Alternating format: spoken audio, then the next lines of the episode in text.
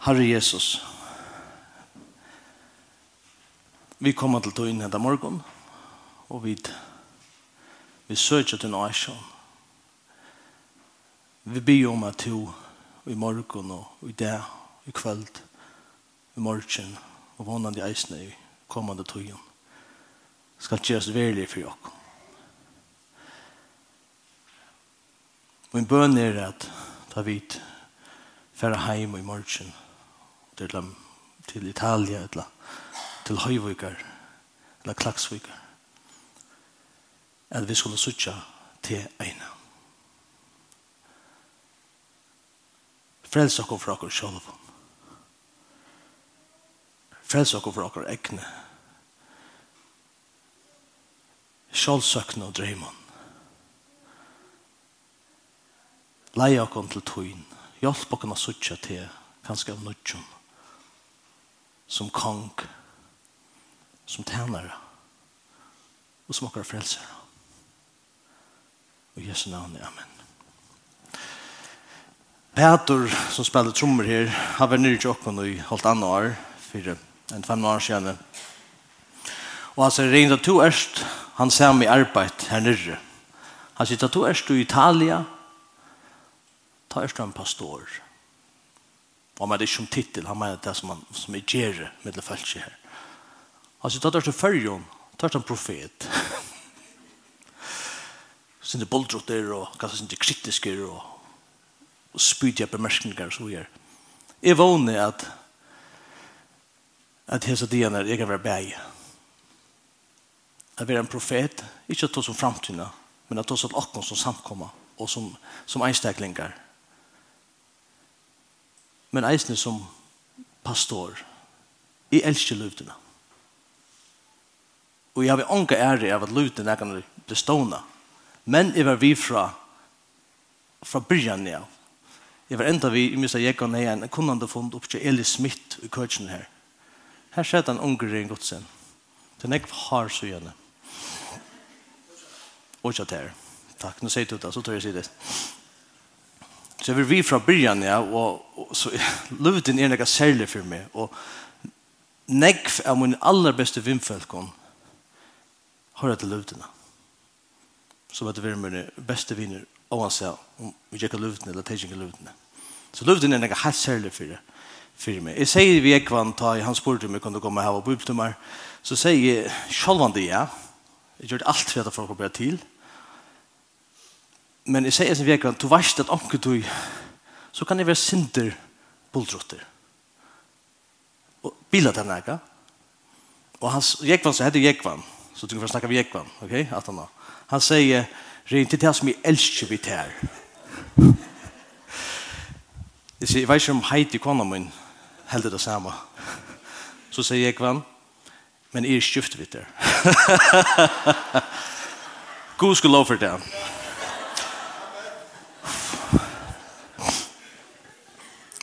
Fyre gjev meg hvis ankte er sin spydier og, og, og buldrotter og klassotter.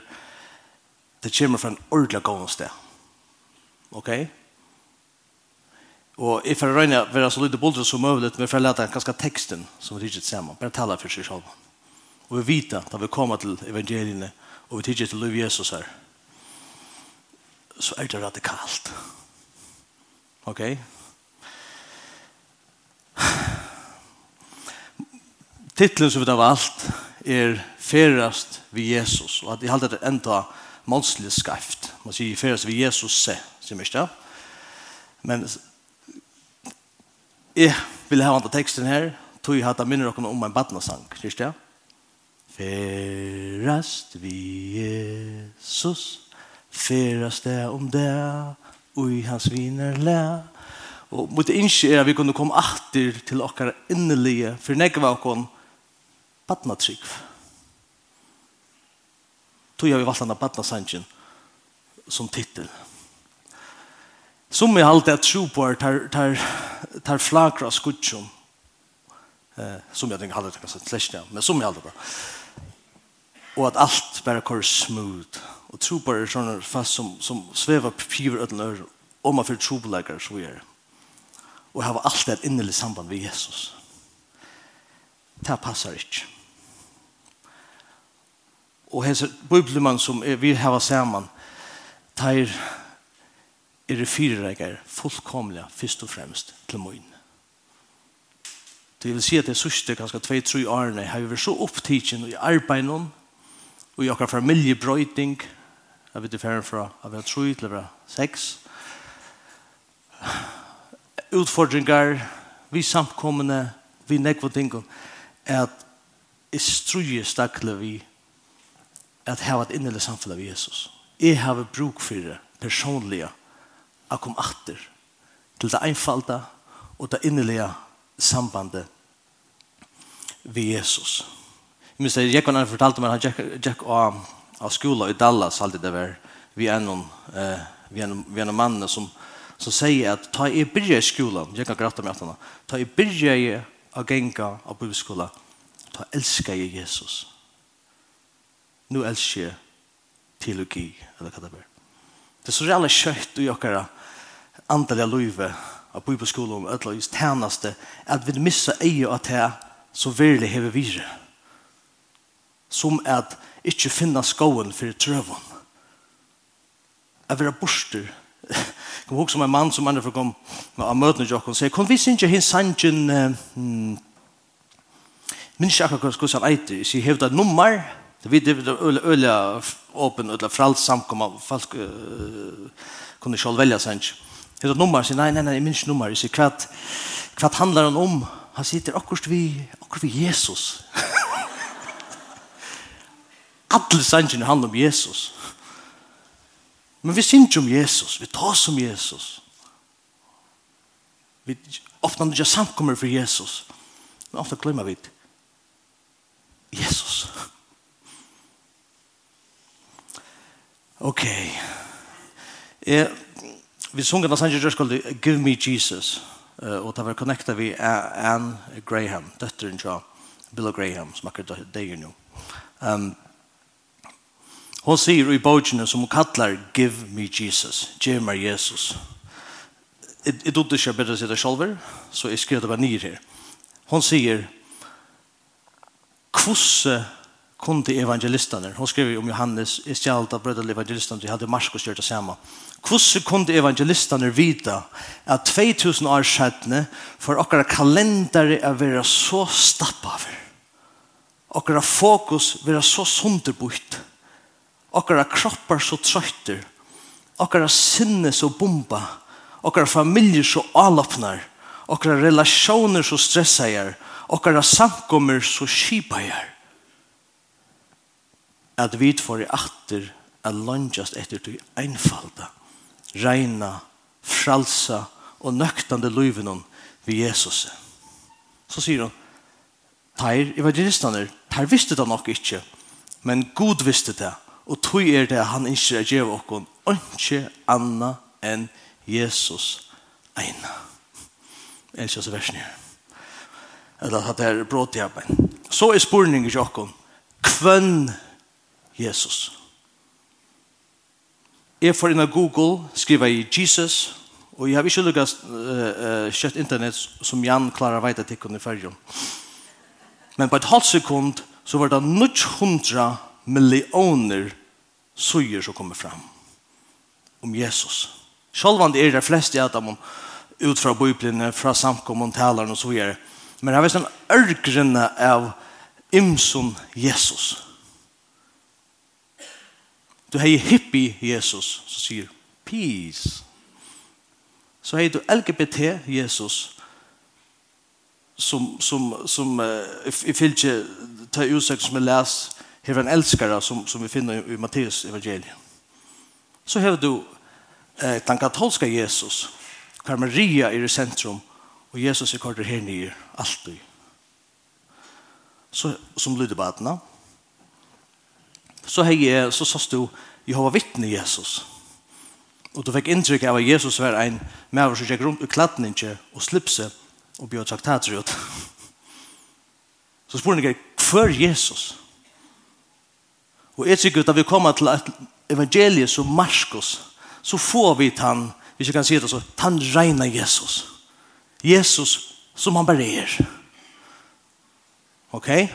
Så lad dere begynne hit etter Marskos evangeliet.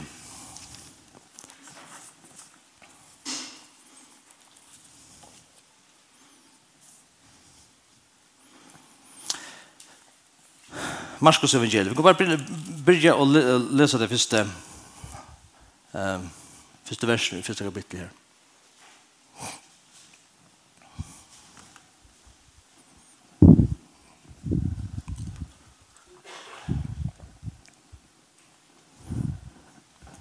Marskos evangelium, kapitel 1, vers 1.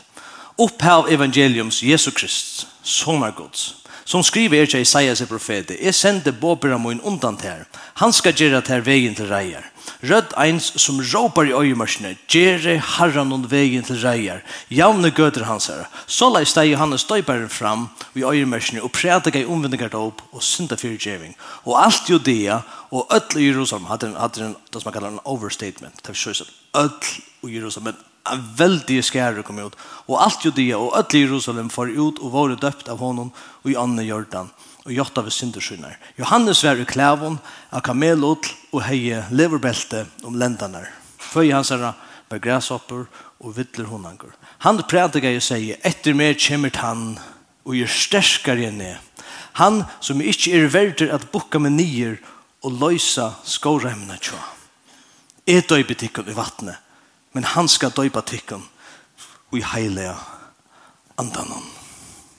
Marskos evangeliet er det første evangeliet som er skriva.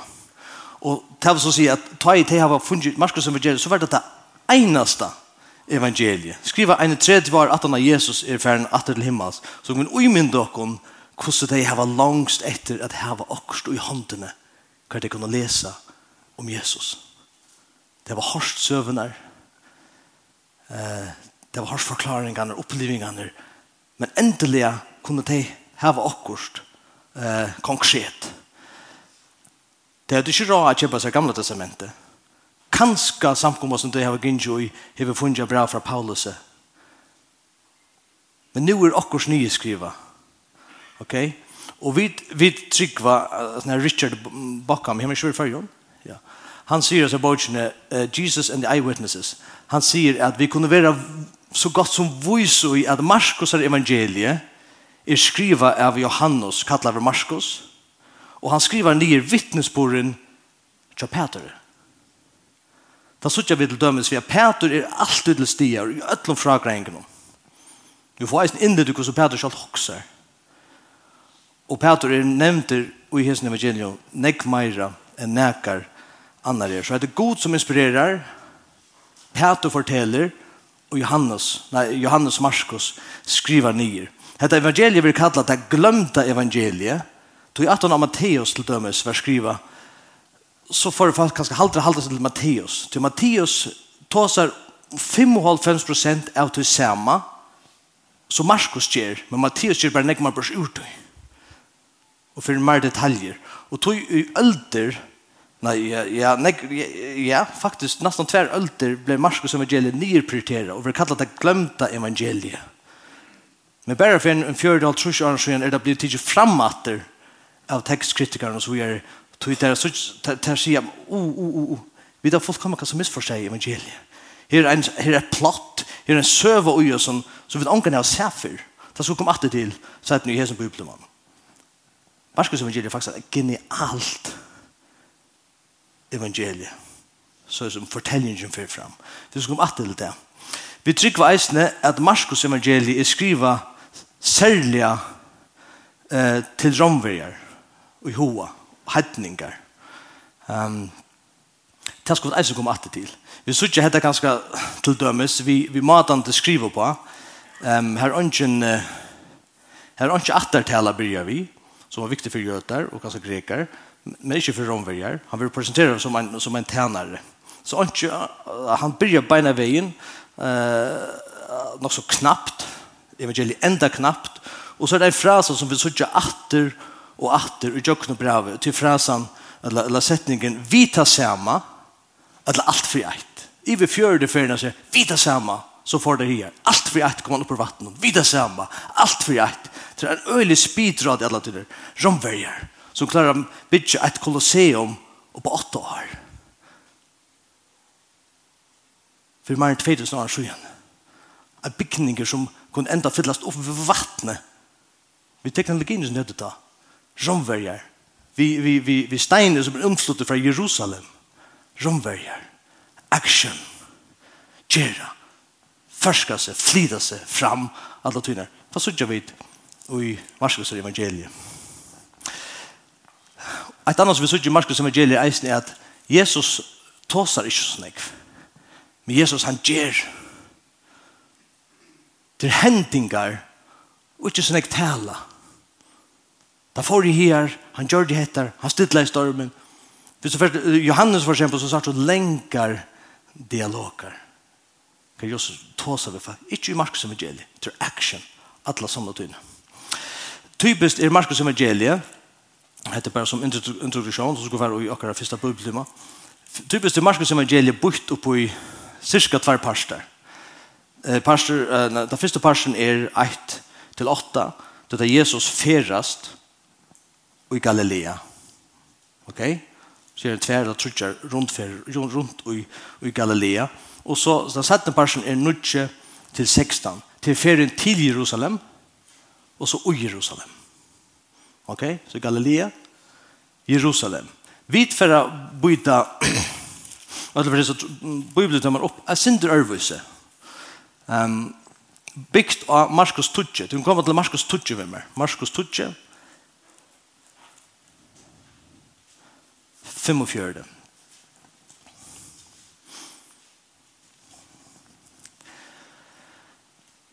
Hetta er et likla vers i, i Markus evangeliet. Markus 25. Tui menneskesonen er heldur ikkje komen at leta ånder tæna seg, men at tæna og djeva løyvsut, som løyser gjalt atur fire mong.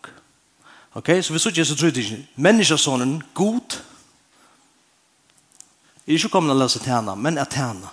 Tænaren, konger, tænare, og leta løyvsut, som løyser gjalt atur til frelsere. Ok? Og det hittar hittet vi etter kanskje noen. Jeg skal se hva det der. Det er slapp til kjørskuld. Ok. Ferast vi vi kanskje noen. Vi låser, jeg begynner vi, i kapittel 1.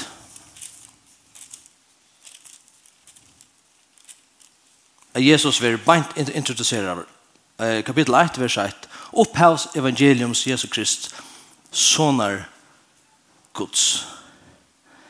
Og evangelium mersker, som vi vidar vel, go tøyender. Ok? Det er ikke go rå. Det er ikke gjerhettar eller gjerhattar. Det er go tøyender. Det er akkur som bare representerer fyrir akkur. Akkur som akkur annar har vi gjørst, og som fyrir akkur kan være go tøyender. Hva er go tøyender i heveint? Er Jesus Kristus, soner Guds, er trakka vi inn i mannatna. Og vi kunne, hvis vi skulle halda noen tema i, bli at ferast vi hon. Ok. Jeg får ikke lyde sugerspringen nu. Ok, bare så vi kunne atter hette til moin, om så tid öll, bant nu uh, gjør det av at færre under at drekke kaffe. Så jeg er helt i av at haft denne bibeltimen. Så som sier at jeg har så fruklande bruk for at høyre seg tingene om hvor Jesus er og om hva, hva han eier av mesja for meg. Det er ikke jeg suyspring uh, for jeg vet hva hva er sin hva er sin personer som, som du trakker inn i mannatna. Så du færre til til Aaron Mosebog Aaron Mosebog kapittel 34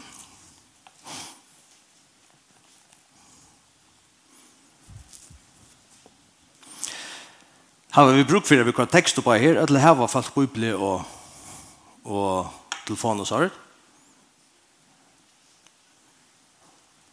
Nei, vi björs ikke. Vi björs ikke, eller hva? Vi stod lätt, eftersom jag mentar när Hvis jeg har sagt att det här i Italia, så er det alt røft på en ena vägen. Einusen.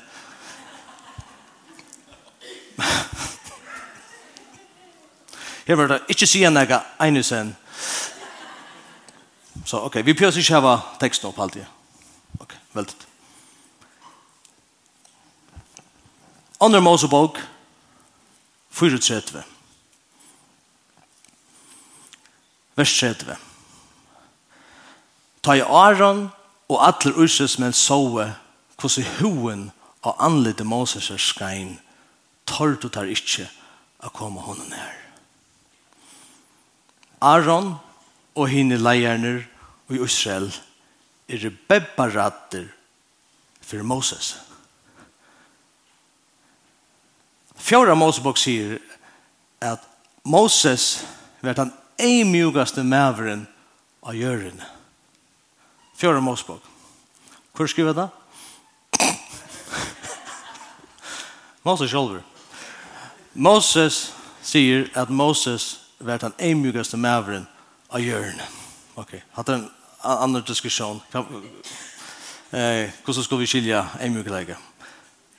Men disse en myke mævren har vi knapt funnet et anlitt som gjør til at Aron og henne leierne er rebebbaratte for henne. Hva er det hent? Han vil se akkurat. Ta så ikke av det i kapitel 33. Moses byr en bøn som ödla av okkon må bya, ödla for en ene for i løyvene. Han sier i kapittel 33, vers 18, Ta seie Moses, vi god, lova mer ta at sutja durd tøyna.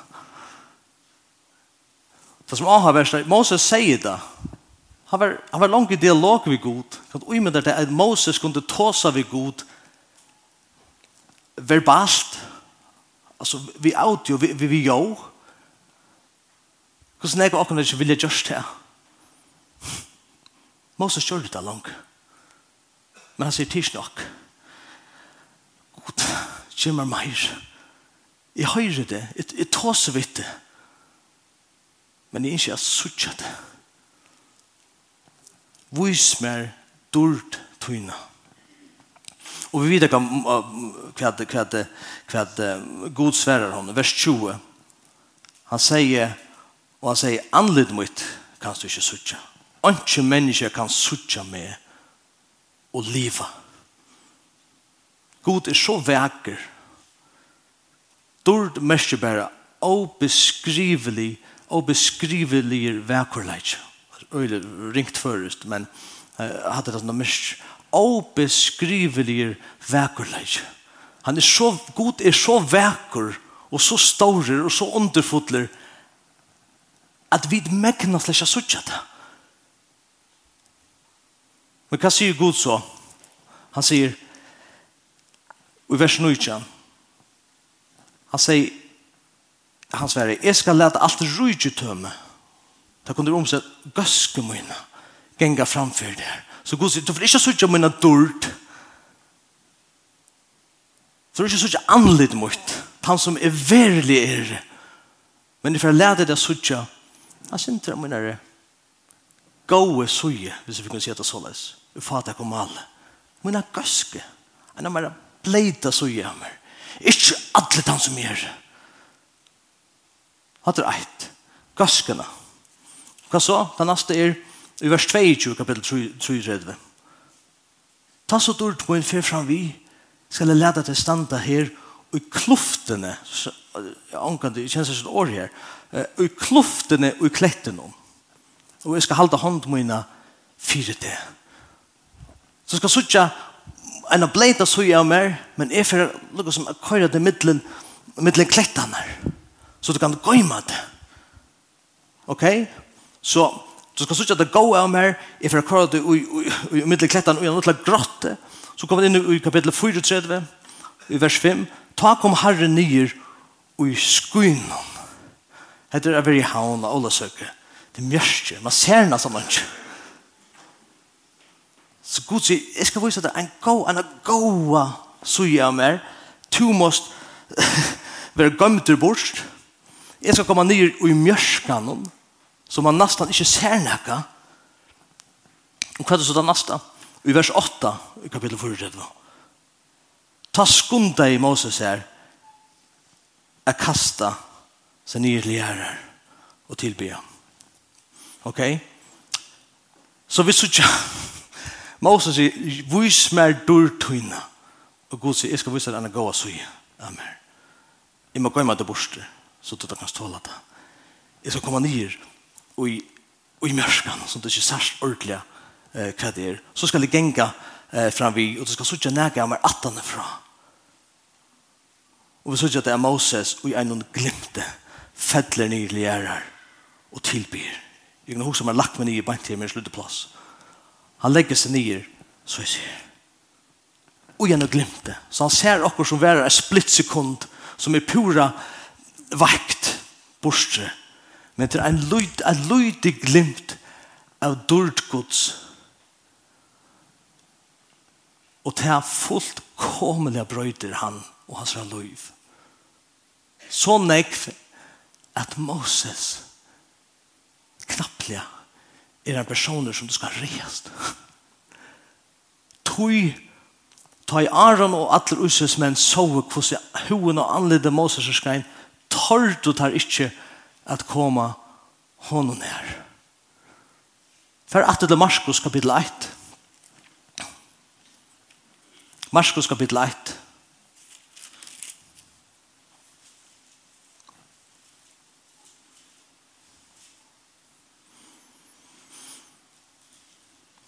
Vers 2. Som skriver er ikke Isaias profete. Hetta första brottet er faktisk ikke fra Isaias, men fra Malakias. Og utan for en längre forklaring, det var vanligt, det har sikkert ofta ofte i Nye Testamentet, selv i evangelion, at man kører tvei, tvei sitater sammen, og så citerer man noe som den store profeten, Isaias, men Malakias er vært han mindre profeten. Ok? Som skriver til Isaias er profete, Jeg skal senda båbera beramoin undan tær. Han skal gjøre tær vägen til rejer. Nu låt oss för åter til eh originala citatet fra Malakias eh kapitel 3. Malakias er nevnt å finne sørste, sørste bok i Gamla testamentet.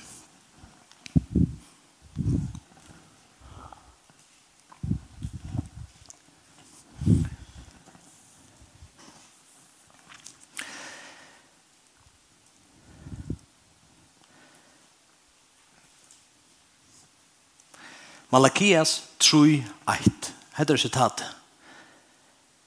Jeg sender bo mot, og han skal gjøre veien til reier for Asjon mine.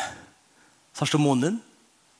Han skal gjøre veien til reier for tær, sier Marskos. Og her sørger vi god som tåsar. God, hesen, dårdar god som Moses er sier Jeg sender på mot, og han skal gjøre veien til reier for Asjon mine. Ta vi så den eimjuka Jesus som trakkar inn i søvna, som trakkar inn i okkara loiv. Ta er det ikke sin lutle eimjuka eller neierslige Jesus, eller Jesus på den. Til god! Til god! Det er god sjolver som trakkar inn i, i mannatterna. Det er en veldig, veldig store god som vi suttja i gamla som. Jeg vet ikke om at det gjør nega vi tikkum. Jeg må atter og atter komme at, at, komme atter til at det her. Jeg skilja hver Jesus virkelig er.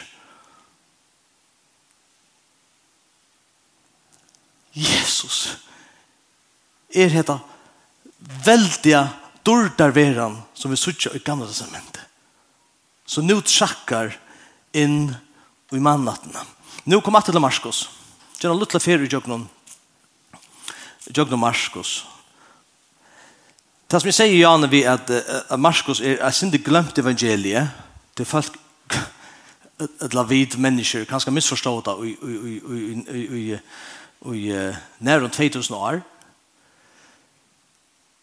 var at jeg fengt av ikke at det som Markus faktisk gjør, er at han rønner å fortelle en av søve. Han rønner å fortelle Jøkken en av søve, hvis det var det, så er det var filmer, et filmplott. Jeg hjelper på å kunne skilje hver Jesus er. Jeg hjelper på å kunne at, at, at fengt, at oppleva hver han virkelig er. Ok, vi begynner i fyrsta, fyrsta, i fyrsta kapitlet. Her sutja vi trutja rødder. Ok, vers 3. Rødd ein som råpar i øyemørsene, heter Johannes, men heter profeti om, om Johannes. Gjer herran og veien til reier, javne gøter hans herra. Så vers eh, 11. Og rødd kom av himmelen. To er sånne min. Han sier ikke, er interessant dette her. Han, han sier ikke, rødden av himmelen sier ikke, hettar eller hesen er sånn. Han sier, han sier det bare ikke ved Jesus. Feiren sier det ved Jesus. Det er de som var her skilte det ikke. Ok? To er sånn om. Den tredje røtten er, eh, vi kan si, er en dæmoner. Vi kan si at det er ur, ur myskenen. I vers 3, kapittel 1. Og i synagoget her er noe med over vi åren en anda. Han røpte, den tredje røtten. Han røpte, Kvært hava vid vi te a gjerra Jesus ur Nazaret. Tu er komen at tøyne okkon. Så sier han, jeg kjenner te.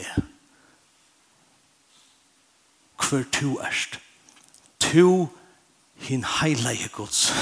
Så det var langt i første kapitlet, trutja rødder. Ein ur skriften hon, ein ur himmelen hon, og ein ur myskren hon. Der vidar hver Jesus er. Men plattir heitar at fæltje visste det ikke. Fjelden skilte det slik. Sjalt læresveinene skilte det ikke. Så så vi det Jesus, tjøkken der første kapitlene, før han gjør et under, eller reker han et eller annet ut, hva sier han? Shh, ikke sier noe om det. Det er faktisk en, en hemmelighet kongeren, dorda kongeren, er stigen inn i mannattene, god skilja skriften er skilja da, sjalt dæmonene skilja da. Men mennesker skilja det ikke. Og Jesus gjerne skal være så leis. Så kommer vi til, for eksempel til, til stormen i kapittel 4, at han har Jesus til stormen, hva sier lærersvennerne? Der spyr jeg spørningen, hver, hver er det av hesen som sjalt vinter og vatten akt Det sitter spurning, det vet ikke. Hvor er han? Så kommer vi til kapitel 8. Her, her nå byrjar Peter nøkelunda å få en homing av hvor han er. Og Jesus spyr her i kapitel 8. Hva sier jeg fast med verre? Så sier jeg der, som eh, Elias, andre Johannes Støyperen, Hoks med her. Hvis også Hva sier folk Jesus er? Jan Støyberg. Kan man få en nekka større kompliment i livet? At folk til det Jesus vil ha to. Jan Støyberg. Så sier, ok, Jesus, Jesus, ok, ok, ok. Hvem sier vi Peter? Hvem sier to med vera? Og Peter sier, to er Kristus. Godt svær. Beholve sannhet. Han var Kristus. Men i hans er samtøy av vera Kristus betydde møvel at det ikke nødvendigvis at vera en heilig gods. Men det kan være løseren, frelseren, som kongren som Ushas fast som det bor av etter. Tu er Kristus. Men vi sørger eisen av Jesus, så beint at han får sige, og byrger, så han er trutjer forsøkene i kapittel 8, og nudje tutje, om at jeg skal til Jerusalem, jeg får løya, jeg får krossfester, og jeg får rys oppatter. Så kjøst som man sier til, kanskje så Peter som akkurat sagt, «Tu er Kristus!» Han får ta han sugina og hava ät honom. Och det som händer är Jesus vill hava, hava ät Peter. Så turen har kritiserat mig. Nu ska jag fortälla det så den tid. Våg atter om med Satan. Så Peter har en homing av, han har ett hållt men han har stadigvæk ikke fengat det. Ok? Så kommer vi til kapittel 14. Så sørger vi at at Jesus fire heter vi er dømter. Han er for til jødiske ranen og i vers 31 i kapittel 14 men han takte og svære jeg ikke. Høvespressen spurte han om oppatt og sier vi han, Erst du, spurningen, hver er han? Erst du Kristus, soner hins halova ja. Og nu sverre Jesus, Jesus sverre i er da. Og så sier han etter, og tid skulle suttja menneska sånne sida vi høyre hånd kraftarinnar og koma vi, vi skudjon himmelsins ta han sier det, ta skratt i høvespressen klæger sin og sier, hva nøydes dere langere vittne? til det var hårskodspottan henne. Hva halda dit? Der dømte han adler av vera deia søk, søk, søk, Fyre at sia, er er soner gods. E, er hin anvald. Ok, så han vil deia dem til fyre. Men ta i sjåvande tykker det ikke, og ta deia dem av fyre. Ikke før vi kommer ut i kapittel 15 fengar eit menneske hvor han er. Kapittel 15, vers 23. Men ta i høvesmæveren. Høvesmæveren er en romverje. Høvesmæveren er en romverje som skulle sutja til at alt tjekk rett fyrir seg ta i anker ble krossfest og alt som er vi til rundt om det. Så en romvei men ta i høvesmævren og stå beint iver av hon og sa at han andeist og hendan hot sier han sannlega vær hesen mævor soner gods hattar det til Så vi kan se sørst årene av fenge hatt det geniala vi Markus er evangelien. Det har vi sagt i vers 1. Ok? I Markus. Oppe av evangelien sånar Krist nei, Jesu Krist sånar Guds. Og så får vi gjøre allt, alla bøkene, og ungen fenge det. Men det opplever det så spekler og spekler, ikke for en mot endan. Tar det en romverje som fengar det og opplever det. Sannelig var hese mever soner gods. Sannelig var hese mever god.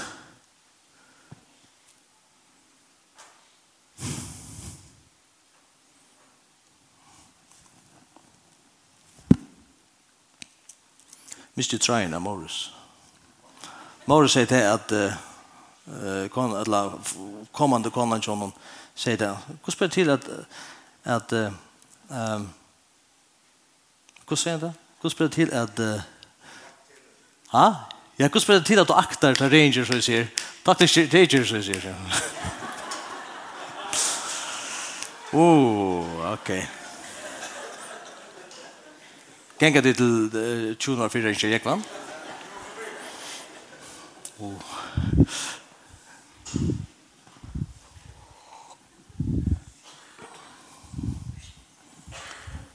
Det geniale risen der er at god vil han skriver, ja, hva er det bogen skriver til? Vi søtter byrja vi. Til romverger.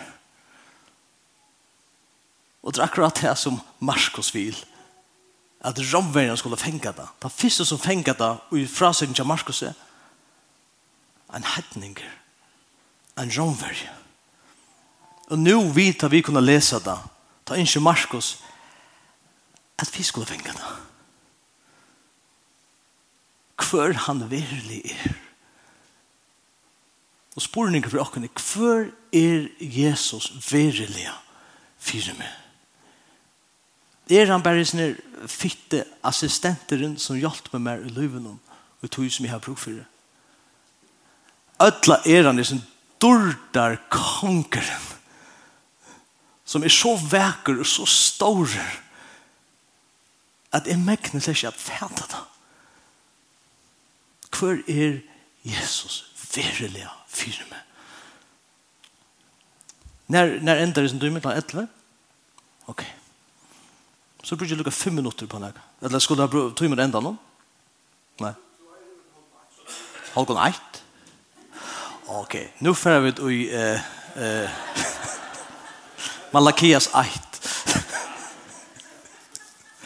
wow, hade skulle ångarna sagt. Nu får du näck fast på nacken, det går så. Åh, oh, okej, okay, okej. Okay. Det tar tog sig halvt för att det tusen jag folk kommer att snacka med. Trashar pastor Jakob. Det er verst, må jeg si. Jeg miste jo her i, i Italia, du miste luften.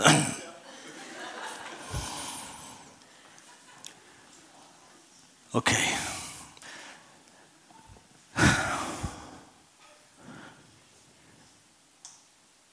Det er nek hårst det der sitatet fra, fra C.S. Lewis. Det vi har noen klisjéer i, i okra samkommet, men det, det, er, det er godt. Han, han, C.S. Lewis och og det bedre se det nekar annar. Han sier, da vi kommer til Jesus, det eneste vi ikke må si er at han var en god lærere. Han ikke hittet etter løgnet til Jesus og sier, han var en god lærere. Han var rævlig jævlig lærere. Vi skal ikke være det som han sier han var. Han er ikke arbeid nøkker om badnekker. Alvara. Han sier, enten var han en liknare. Så jeg sier, jeg er god. Kom inn i holdet. Men det passer ikke. Liknar. Etla var han ører. Han helt han var god. Men han var det ikke. Så han var liknare. Etla var han ører. Etla var han sånne gods. Og sier slu og sier, til ønsker jeg møvlager ut her. John Stott teker det stivujere. Og han sier, hvordan skal vi forhalde dere til Jesus? Som er enten liknare eller ører, eller velja sånne gods. Og John Stotje for en trudje mølek, han sier, entil flutja vi fra honom. Vi lar ikke vi en gjerra. Det er største parten av heimen. Flutja fra honom. Etla steina vid han. Det vil si, vi han, og alt det som han stendig fyrir, og kristendom og så videre. Nye vet du, vekk vet du. Vi flutja fra honom, etla steina vid han, etla tilbe vid han. Det er ikke jeg mulig. Flutja fra honom. Jeg kan steina han. Eller tilby han. Jesus gjever oss ikke er mulig. Spurningen er, hva er han for meg? Halt i enda bare her.